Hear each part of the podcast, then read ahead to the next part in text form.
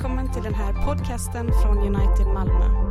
För mer information om oss besök uv.unitedmalmo.nu och följ oss på Twitter.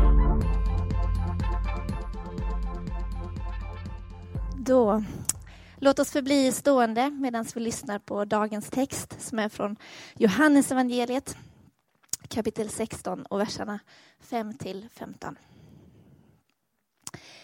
Nu går jag till honom som har sänt mig och ingen av er frågar mig, vart går du? Men eftersom jag har sagt er detta är era hjärtan fyllda av sorg. Men jag säger er sanningen, det är bäst för er att jag går bort. Ty om jag inte går bort kommer inte hjälparen till er. Men när jag går bort ska jag sända honom till er. Och när han kommer ska han överbevisa världen om synd och rättfärdighet och dom. Om synd, ty de tror inte på mig. Om rättfärdighet, ty jag går till Fadern och ni ser mig inte längre. Om dom, ty denna färdens furste är dömd. Jag har ännu mycket att säga er, men ni kan inte bära det nu. Men när han kommer, sanningens ande, då ska han föra in er i hela sanningen. Ty han ska inte tala av sig själv, utan allt det han hör ska han tala och han ska förkunna för er vad som kommer att ske. Han ska förhärliga mig, ty av det som är mitt ska han ta och förkunna för er. Allt vad Fadern har är mitt. Därför sade jag att han ska ta av det som är mitt och förkunna för er. Detta är Guds ord till oss. Amen. Varsågod och sitt. Under fem söndagar så ska vi titta på eh, den helige Ande, hans person, hans verk i oss och hans verk genom oss och hans verk ibland oss. Det här är andra söndagen och då tittar vi på fem olika texter som eh, talar om anden utifrån olika perspektiv och idag ska vi titta på detta att anden är vår hjälpare och hur han utför detta hjälparverk ibland oss och i världen. Och vi ska börja med att titta på just det här ordet hjälparen. Anden är hjälparen. Vi vet att eh, vi tror på en treenig Gud. Fadern, Sonen och den helige Ande. Och alla är inblandade i vår frälsning. Vi skulle kunna säga att Fadern har beslutat och planerat frälsningen av oss. Sonen har genomfört frälsningen för oss. Och Anden utför och tillämpar frälsningen i oss. Och det är detta som, som Jesus säger här, att det är bra för er att jag går bort för att då kommer anden till er. Och då blir hela det här verket fullbordat. Utan att anden kommer så är det någonting som fattas. Frälsningen är bestämd, frälsningen är planerad, frälsningen är genomförd. Men nu behöver anden komma och utföra, etablera, tillämpa frälsningen i oss. Så att anden också kan verka genom oss. Det är bra att jag går bort så att hjälparen, den helige Ande, kan komma till er. Det här eh, anger ju lite grann att utan hjälparen är vi hjälplösa. Vi behöver hjälp. Och han säger att era hjärtan är sorgsna nu när jag säger att jag ska, att jag ska lämna er. Och det finns säkert många olika skäl, men utifrån den här texten så kan vi tänka att de är nu vana vid att ha Jesu Kristi, Guds egen närvaro i form av Jesus Kristus nära sig hela tiden. Och vi har ju sett att de är inte liksom ett, ett, ett jätte, liksom briljant gäng som klarar sig, utan Jesus behöver hela tiden vara där och styra upp dem och säga nej fel, tänk inte så, varför säger du så? Och tillrättavisa dem, hjälpa dem, trösta dem, styrka dem. Och, och, och de behöver Jesus där. Och nu säger han, nu ska jag dra. Och det är klart att de säger, hjälp, I need somebody, help. Och så är det. Och det är den hjälplösheten som vi måste vara medvetna om för att anden verkligen ska få göra sitt verk i oss. Utan dig kan vi ingenting göra. Det här är också uppfyllelsen av det Jesus säger i Matteus 28. Han säger att jag ska vara med där ända till, dag, till tidens slut. Genom min ande. I Johannes evangelium 14, bara kapitlet innan, två kapitel innan, så säger han ungefär samma sak. Jag ska, ge, jag ska be Fadern och han ska ge er en annan hjälpare som alltid ska vara hos er. Med andra ord, så som Kristus var närvarande bland lärjungarna, så är Kristus närvarande, fast på ett sätt ännu närmre hos oss genom anden. Kristus var närvarande fysiskt och det ville ju till att de följde efter och, och höll sig nära honom. Han kunde bara vara på en plats. Nu har Kristus flyttat in. Genom sin ande är han nära alla oss. Så som Kristus var närvarande bland sina lärjungar är han närvarande bland oss genom sin ande. Genom hjälparen. Det är lite spännande ord. På grekiska så står det parakletos. Och som vanligt så kan man inte bara översätta det med en grej. Utan det, man skulle kunna kalla det för en som finns där.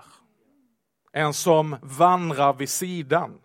Det är en rådgivare, en tröstare, en vägledare, en uppmuntrare, en livgivare, en försvarare. Ja, nästan skulle man kunna kalla det för en sakkunnig. Alltså en som har koll på alla bitarna, en sån där som du har på jobbet. Eh, om du är i strul mycket, som vi människor är, så behöver man en personlig jurist. Du vet det, alla gangsters som säger talk to my people. My people talk to your people. Den helige ande är your people. Han är din sakkunnige på alla livets områden.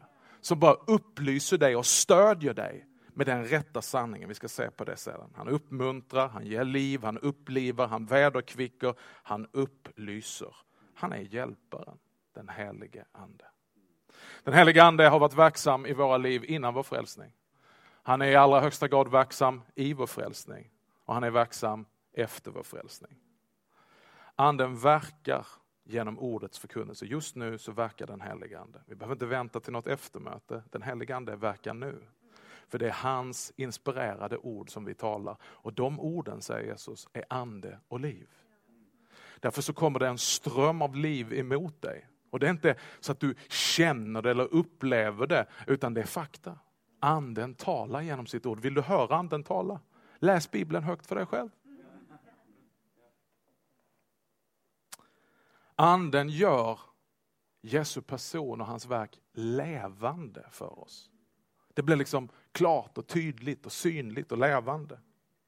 Och anden söker oss innan vår frälsning, men även efter vår frälsning så har du säkert erfarit det där anden söker dig, drar i dig och drar dig till Kristus. Ibland har jag alldeles för många som söker mig på telefon och eh, det blir lite så här bekymrat för ibland så vet man ju precis varför de söker en. Det är ännu jobbigare när man vet varför de söker en. Och fast man inte svarar så lämnar de meddelande på den här telefonsvararen som jag fimpade på mitt gamla abonnemang, men nu är den tillbaka. Jag vet inte, det är så otroligt smidigt när det inte finns någonstans att lämna meddelanden.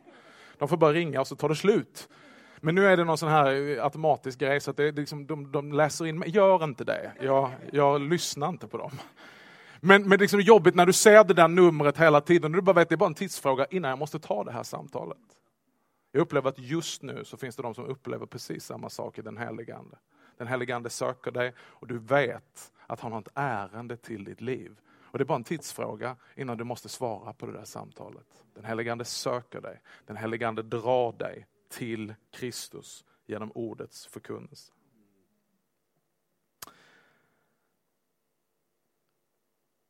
Den helige Ande ska vi titta på längre fram i texten, överbevisa oss övertygar oss och verkar i oss, skänker oss tro och föder nytt liv i oss. Men hur gör den helige Ande detta? Hur hjälper den helige Ande? Vi ska gå vidare i texten och titta på andra sättningen. Anden överbevisar om synd, rättfärdighet och dum. Och då tänker du, det låter inte så hjälpsamt. Det känns inte som det finns så mycket hjälp i det, men där i finns hjälpen. Det är ofta här vi missförstår det, att den helige Ande ska göra någon, någon annan grej, komma med någon abstrakt kraft så vi bara allmänt känner oss glada. Men det är här glädjen finns. Att bli överbevisad om synd, rättfärdighet och dum. När han kommer ska han överbevisa världen om synd, rättfärdighet och dum. Och så delar han upp det och gör det redo, gör väldigt tydligt om synd, de tror inte på mig. Den heliga ande kan upplysa om allting, men det är inte så här liksom att i allmänhet så kommer den heliga ande och påminner dig om hur omoralisk du är. Det kan vi ju lätt tänka liksom, att det, det, det var den heliga ande gör, att så fort jag har gjort någonting som är dåligt så får jag dåligt samvete. Men det är ganska allmänt, men den specifika synden som den heliga Ande har ett ärende till oss och som han hjälper oss med, det är vår benägenhet, ursprungssynden, att klara oss själva. Att inte bejaka det Jesus Kristus har gjort för oss. Eftersom vi tänker att det finns väl något annat sätt att klara sig, det här kan jag väl fixa själv. Detta är ursprungssynden, sen skapelsen. Och det är den synden vi jämt hamnar i. Det är det som är synd, att de inte Tro på mig. Att de inte sätter sin förtröstan till mig och mitt verk, utan att de sätter sin förtröstan på vad de kan åstadkomma själva. Du och jag, vi vill liksom förtjäna Guds godhet, förtjäna Guds frälsning, förtjäna Guds verk i våra liv. Genom att vi bara liksom lyfter oss själva i håret och känner att ah, men nu har det varit en bra vecka, idag kan Gud göra någonting. Men då kommer den heliga Ande nära oss och så överbevisar han oss om synd. Du har satt din tro till din självrättfärdighet. Men allt som behövs är att sätta sin tro till vad Jesus har gjort. Det är det som är Andens verk i våra liv. Inte att lysa på vår egen, utan att föra vår blick bort ifrån oss själva.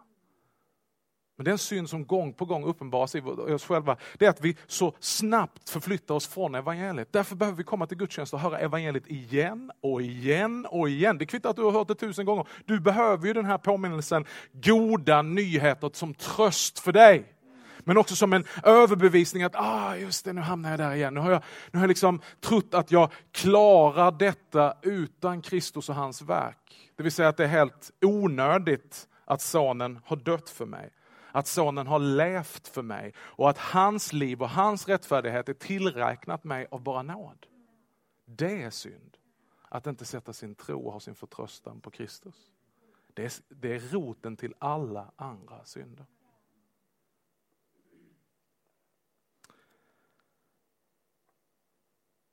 Den överbevisningen, den leder till antingen förkrosselse eller förhärdande. Det vill säga att den helige Ande överbevisar alltid. Men den leder inte alltid till omvändelse. Utan ibland leder den till att man blir förhärdad. Du vet solen, den kan både smälta vissa saker och få andra saker att stelna. Det ligger i Guds hand. Men när den helige Ande går ut just nu så sker det en överbevisning.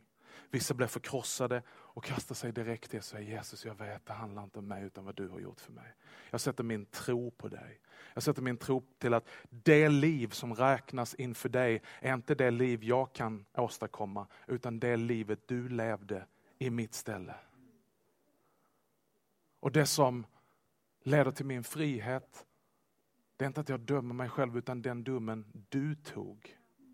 Som var över mig, men den kom över dig på korset på Golgata. Men det kan också leda till ett förhärdande. Att man blir stelnar och blir hård. Och att man förnekar och fortsätter i synden att inte sätta sin tro på Kristus.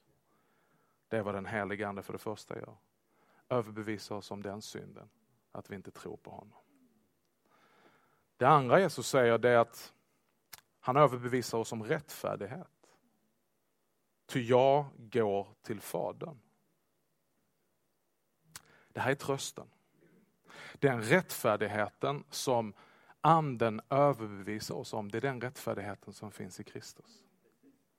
Vad han överbevisar oss om det är att det finns ingen rättfärdighet som är nog eller som räcker inför Gud hos någon människa. Utan han överbevisar om att den rättfärdighet som finns till för oss, den finns inför Fadern i Kristus. Jesus blev sänd från Fadern att komma och ta vår plats. Att leva det livet som du och jag inte kunde leva i perfekt och fullständig lydnad inför lagen. Utan fel, utan brist och utan synd.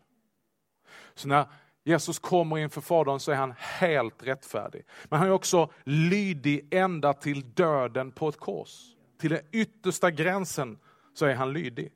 Han dör, men döden kan inte bevara honom i sitt grepp, utan han uppstår och besegrar döden. Och sen återvänder han, det här är viktigt, till Fadern. Varför det? Därför att där står han i, i, för din skull, som din rättfärdighet inför Fadern. Så var är din rättfärdighet någonstans? Jo, anden övervisar sig att vår rättfärdighet, den är inte här, den är där.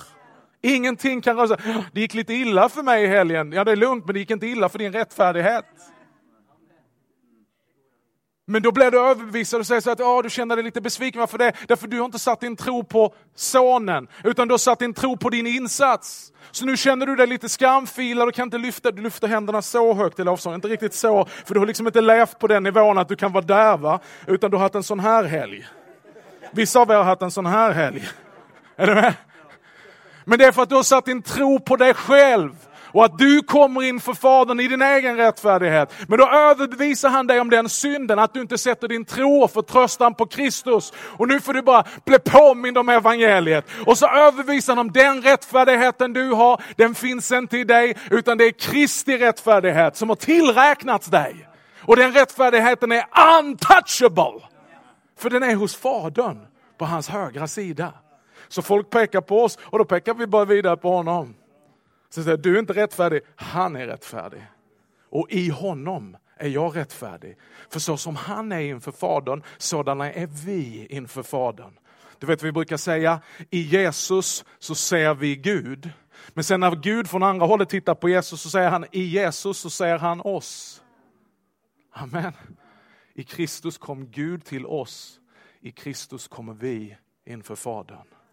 Det är den heliga Andes, det är parakletos, det är hjälparen, det är så han tröstar oss. Genom att övervisa oss om att det finns ingen rättfärdighet i dig själv, utan din rättfärdighet är i Kristus, ty jag går till Fadern.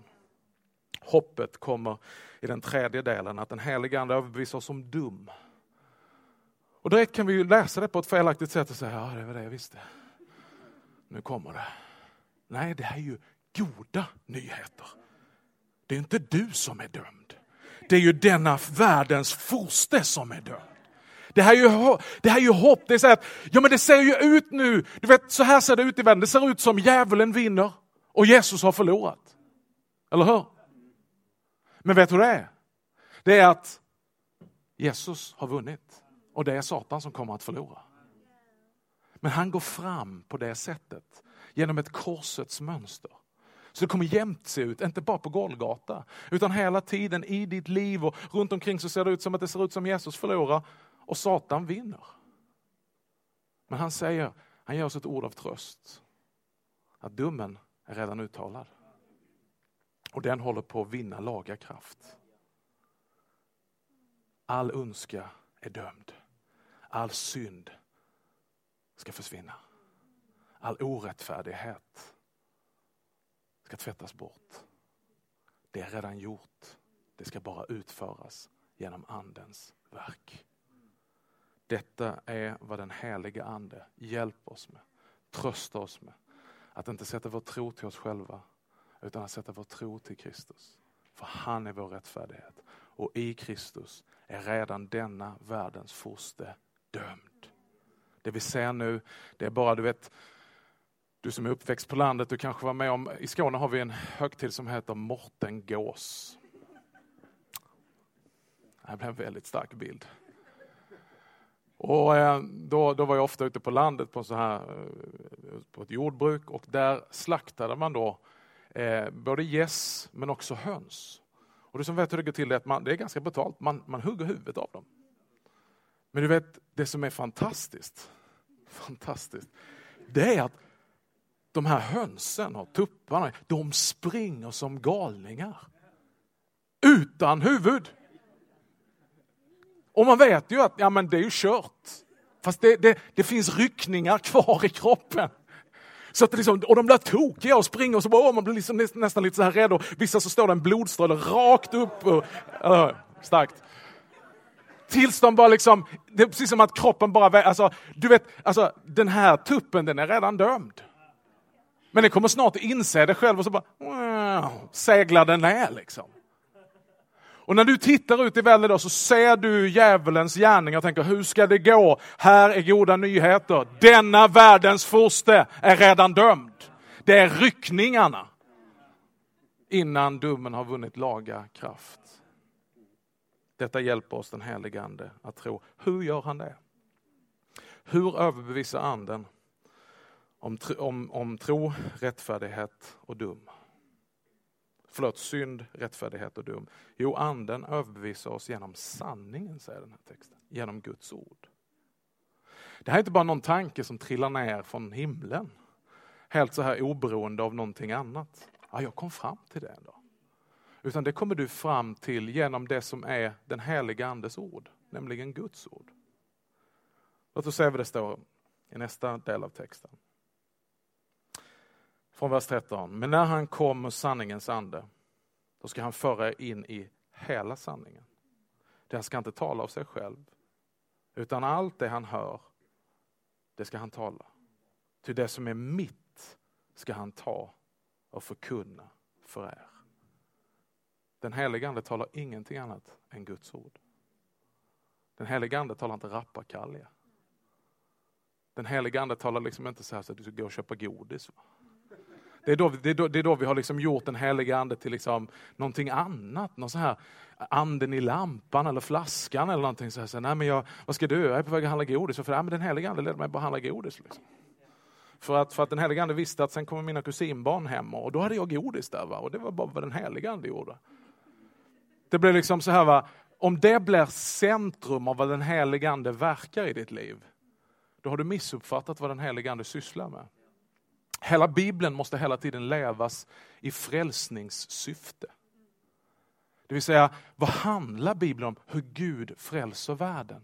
Vad gör då anden? Ja, inte någonting annat.